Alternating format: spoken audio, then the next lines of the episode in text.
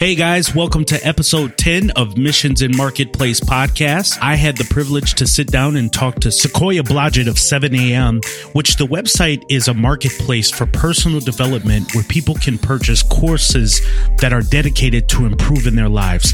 So this is a very different concept and something I think you'll enjoy. But we talked about her experience at Draper University, which is a school that also helps entrepreneurs, fosters relationships there. But she had a really traumatic traumatic experience essentially where she was in the hospital, which led her to the revelation of moving deeper and further into entrepreneurialism. And in the past year, she has done some amazing things with 7am, done amazing things with other entrepreneurs.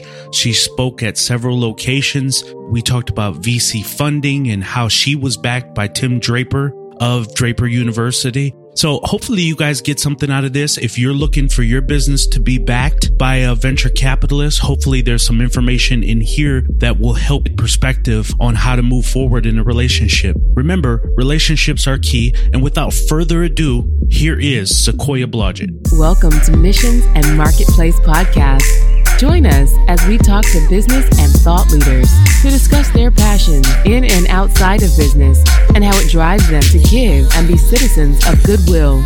Let's get started. Hi, Sequoia. Welcome to the program. Hi. Thank you so much. I really appreciate being on here. Absolutely. It's great having you here.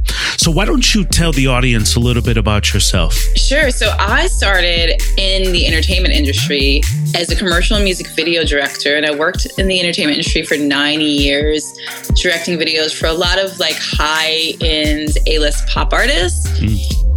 And after that, I got sick May of 2014, um, like hospitalized, and didn't really realize what was going on. Um, I had all kind of MRIs done, and neurologists came and kind of tried to figure out, okay, what's going on with this girl. And like at that point in time, I kind of just sat in the hospital bed, and I remember just kind of thinking, what if this was it? Like, what if this was like the end? And I started to reflect and and just thought to myself, if this was it, would I be happy that I created like amazing visuals my entire life? And I came to the consensus that that just wasn't the case. Fast forward a couple of days later, still in the hospital, I reached out to a friend of mine who had actually come to me in regards to life coaching um, and shooting his content. And it was like, hey, would you be interested in creating like a life coaching personal development business together. And he was like, Yeah, but tell me why you're in the hospital and what's going on. so, so fast forward, I'm all better. Um, good, good. We didn't end up staying business partners, but throughout that process, I learned about Draper University and I said, Hey, like, I've always been interested in creating a business. I obviously have this new business that, you know, I want to grow and develop, but I just don't know how. So I looked into Draper University, and if anybody knows anything about Tim Draper, he is a third generation venture capitalist. His great grandfather created VC in Silicon Valley, and he's just very free spirited and kind of off the wall. So I said, if nothing else, in a good I, way, right? Yes, okay. very much so. Cool. Just like he has and does what he wants. And I said, if nothing else, I could check off a whole lot of bucket list um, criteria. so I was like, huh, let me just go here and try it. And, and in that sense, what I mean is he would create these very unorthodox, just very crazy activities where yep. you're like tied to each other as a team and you have to now go do all these tasks in Silicon Valley and you can't move without your team obviously because you're literally tied to each other. Or you get dropped in the middle of Union Square and you have to sell like vibrators to people. And you're just like this is awkward. Um, or you're dropped in the middle of the forest or he he owns like acres in Northern California and you're dropped in the middle of the forest and taken away from all of your cellular devices and told to fend for yourself. And mm. like, it was just like all these crazy things. And I was like, you know what? Let, let me just, let me just immerse myself in this life for a minute. Right.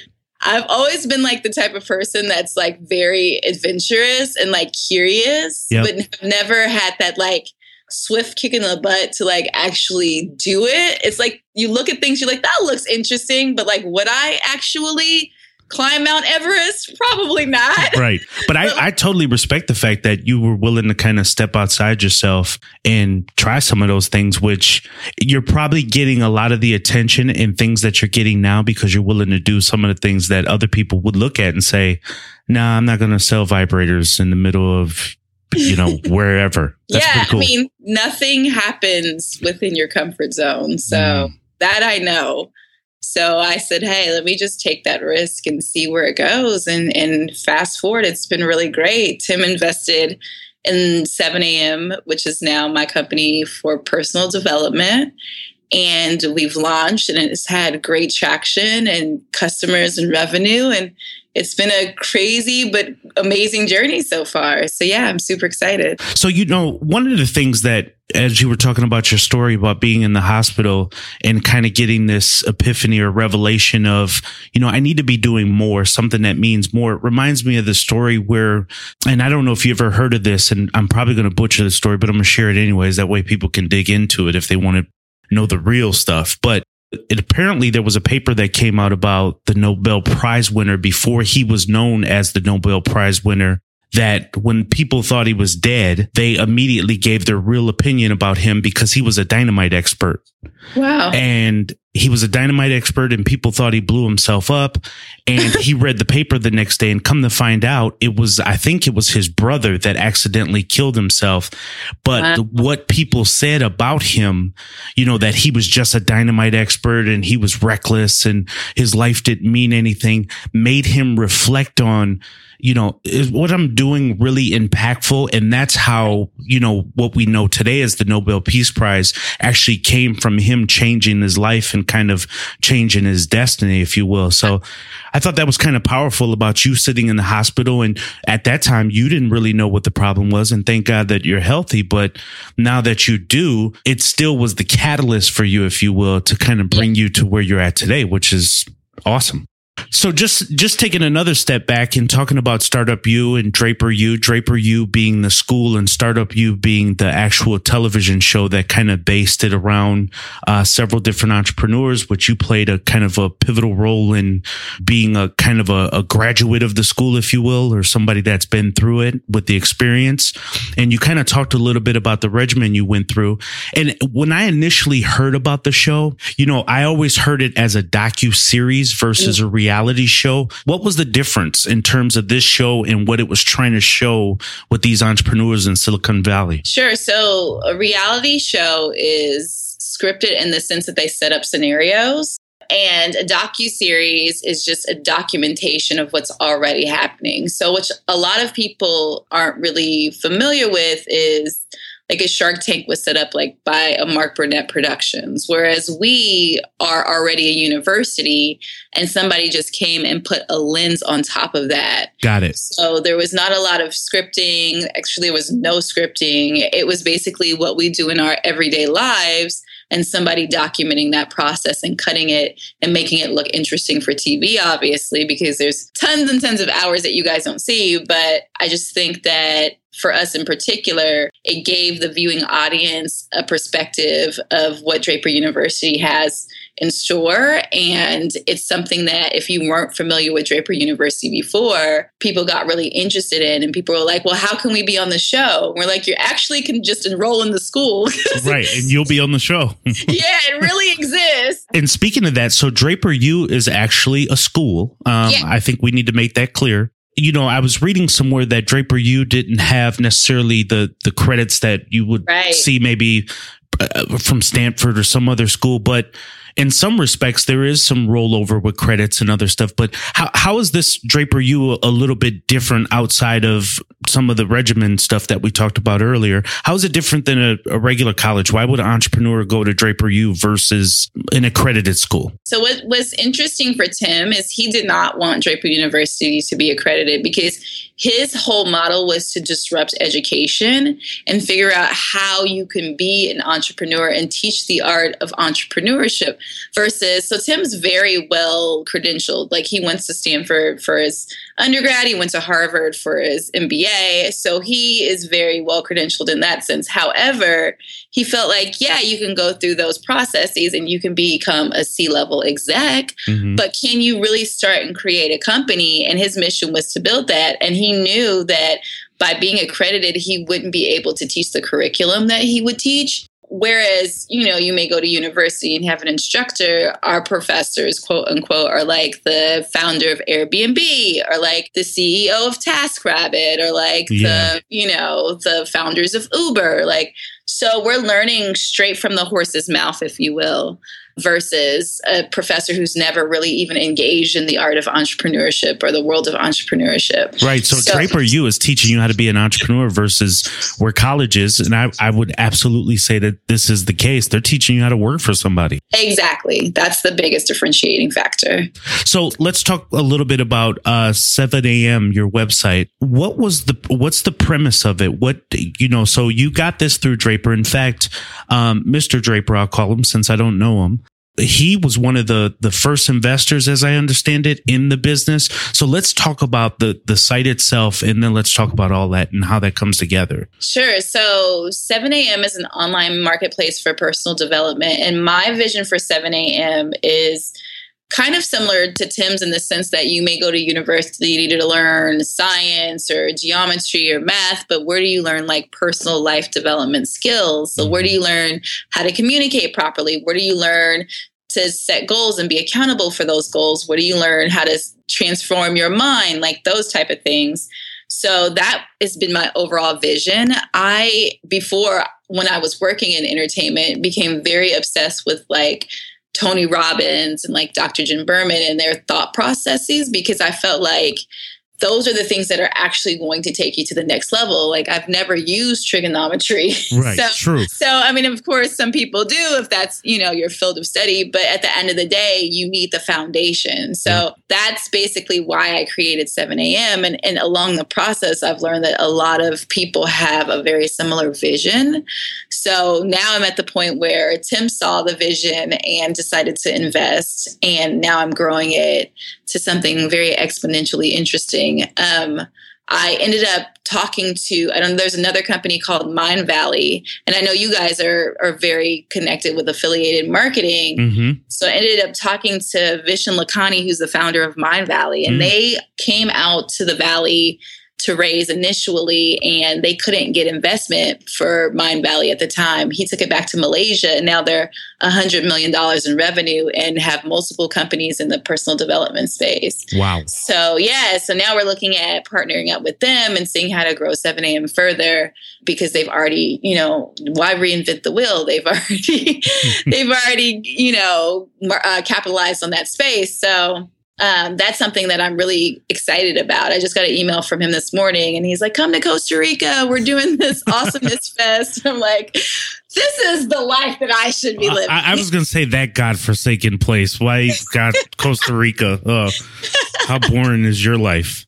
So, right. So 7 a.m., you are one of the few people um, that have, I think, effectively talked about how to get in front of VCs and how to become backed by VCs. Uh, VCs. I watched some of your videos out there in terms of you speaking with, I think it was a group of women where you oh, were yeah. telling them how to kind of engage with VCs. You know, for people and businesses that are looking to be backed by a VC, what are some of the best practices you would suggest? And maybe what's the approach that you took with 7 a.m.? So the biggest thing thing is the obvious is like having the company, having the relationships. But then there's a deeper level to that, right? So a lot of people are like in Silicon Valley, like having venture capital investment is like the gold, like mm-hmm. going out west to like strike it rich, right? Yep. So yep. a lot of people think that they can just come with this brilliant idea and then a VC is going to be like, yes, let me invest in you. But at the end of the day, they're investors, right? So they want to de risk the opportunity as much as possible. So they want you to come in with a solid team. They want you to come in with traction. They want you to come in with a marketplace or a market size that's big enough that obviously is going to get them a large uh, return on their investment. So there's all these criteria that you need to have before you even step in front of a VC. Now, once you've passed that, you know, point, then you can obviously start to approach them but you never want to approach them and say hey i need an investment because they really don't know you like at the end of the day everybody's approaching them and saying hey i need an investment especially are people really that blunt like that where they just kind of say hey give me money because i'm me yeah it's kind of like they'll send send an email and they'll be like check this out I'm, i want to pitch you and like I get it. Like you watch Shark Tank and like you pitch and people get investments, and it seems like this very straightforward process.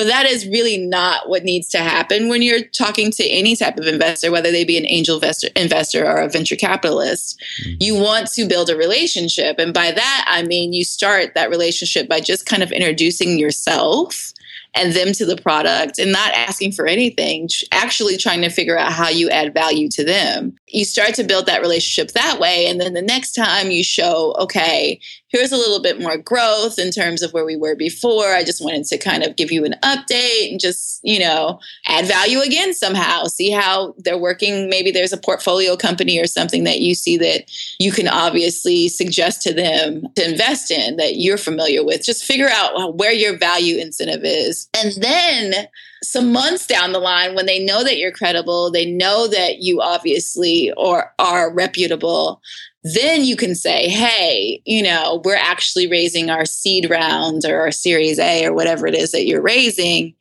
Um, and then you can ask, you know, would you be interested in investing on the terms that, you know, a lead investor might have already said, or would you be interested in being our lead investor or, you know, whatever it is that you're asking for? Or even would you mind making an introduction? Um, a lot of VCs, once they build that relationship with you, will make introductions to other VCs for you because that's just how this network uh, works. So, it's all about building the relationship like, having genuine relationships yeah. First. yes that's really good do you feel like you lose your vision though and you tell me because i uh, this has been my thought behind it but i could be wrong. And so this is where i'm totally listening to you.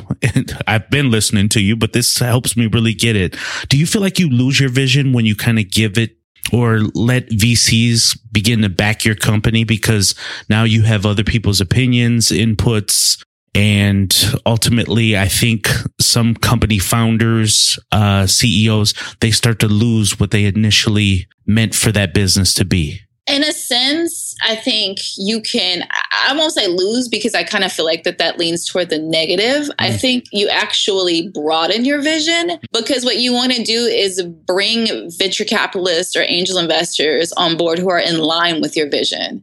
So a lot of times you'll see on Shark Tank, they'll be like, hey, I'm this company for puppies that now you can go dine with or whatever. Mm-hmm. And they're like, you know, I'm not really interested or familiar with that space, so I can't really help you. So that is important because you want somebody who obviously is very familiar with the space. You want somebody who's going to be an asset to the company. You're not just looking for money at the end of the day, you're looking for the relationships, you're looking to grow the company, you're looking for a partner going into the situation, you want to make sure that you vet that VC because at the end of the day, they're going to be attached to your team now. So I wouldn't say you lose your vision. I would say that you broaden your vision and you, it's actually, it makes it easier because they've seen, like Tim has over 600 investments. Like he's, he's seen it all. Like right. it's not too much that he hasn't seen at this point. he already knows what it takes to be a successful company. And you just have to be very open minded and take that, you know, and run with it. And a, a lot of people think that starting a company is about them and it's not. It's about your customer. It's about your user And at the end of the day, as much, you know, information or feedback that you can get to make that process easier, the better. Wow, that is the best way that I've ever heard that put. I mean, I've talked to other people as well, and they kind of lean on the side like, yeah, you lose your vision. And, you know, in some respects, it becomes this negative experience. But you really said you got to kind of vet the VC, not necessarily always just submit your business to whoever. And it's really about the customer. So that's really a good way of putting it. So let's kind of discuss you living in the Bay Area. So do you think there's any real advantages to access with VCs and collaboration with other tech companies that you wouldn't be able to get if you lived in Atlanta or where I'm at, North Carolina and other places that are trying to build up a tech reputation? Do you think there's greater access that you're getting? I definitely think so. I think because there are companies that have been successful, there's VCs who have been successful. And I think you're learning from the best. Mm. It's like, you know, I could stay in Iowa and like want to be an actor, or do I get up and go to Hollywood, you mm, know? True. So I think it's very much equivalent. And if you can make it out here, even if you don't live here, just come and visit and kind of get a, a, feel for the lay of the land and start building relationships. Because at the end of the day, they've already done it. They've already accomplished the goals that you're trying to accomplish versus, you know, living in Atlanta or North Carolina or what have you. Um, so, but not to say that you can't be successful living in those areas. Like sure. you can totally be successful living in those areas.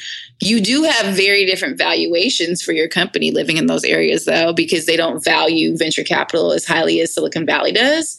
So you could get away with like having a team and a slide deck and a great idea and maybe a MVP and a little bit of traction and have like a five six million dollar valuation versus mm. like if you're in the middle of nowhere you're probably not going to even be you know that valuation would would probably be something that they would ask to acquire you versus like you know you raising a whole bunch of money. So i think it's just a different mindset. So i think that you should totally try to at least make it out here so you can kind of start to plant the seeds. But do you have to move here? Not necessarily. A lot of people will come and be here for a couple of months and then leave. I, I would definitely say my relationships, like, there's no way I would be able to be in LA and still have the same traction that I have being here just because time wise it's i've grown exponentially by having the resources that i have. So yeah, yes la is a tech hub in its own you know sense but not in the same sense as silicon valley. No that makes sense. And i i guess you know from a perspective of just being in the area you're always in coffee shops or whatever the case may be. It kind of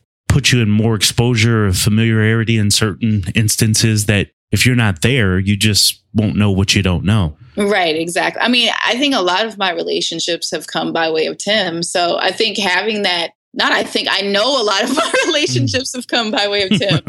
so I think having that, you know, relationship with somebody who's so well respected and so well recognized in Silicon Valley has propelled my career like forward exponentially. So definitely getting out here and creating those relationships is super important. You've had an amazing year from May 2014 to this point in terms of since you've come out of the hospital. Great things have happened for your business 7 a.m.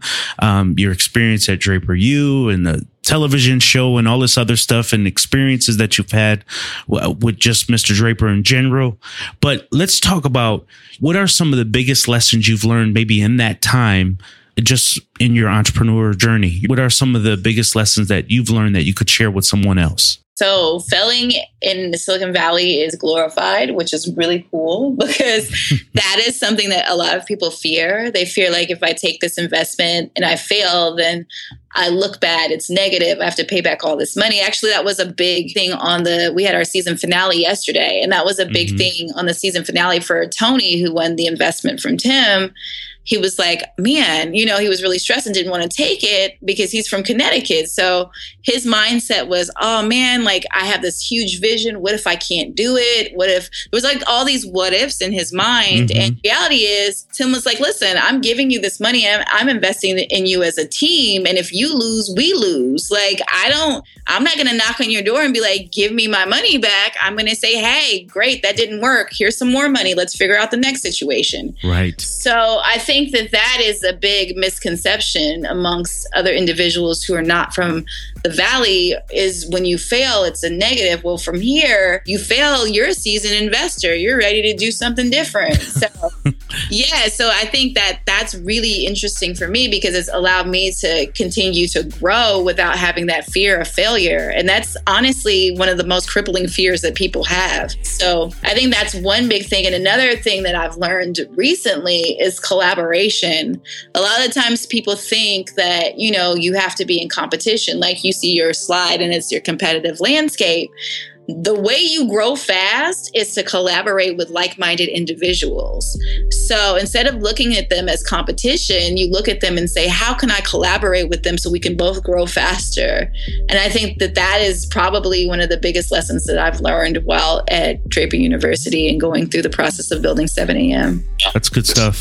So, what can we look for uh, from you in the future? What are some other things you have going on? Or are you just pressing forward with 7 a.m. and focusing yeah, there? I have to be like laser focused Definitely. because too many things going on, nothing gets done. So right now, I am totally 100% focused on 7 a.m. and growing it and, and making it an amazing company. And with all these new relationships and all these this new you know interest, I am so excited about it and looking forward to seeing it grow and become this amazing company.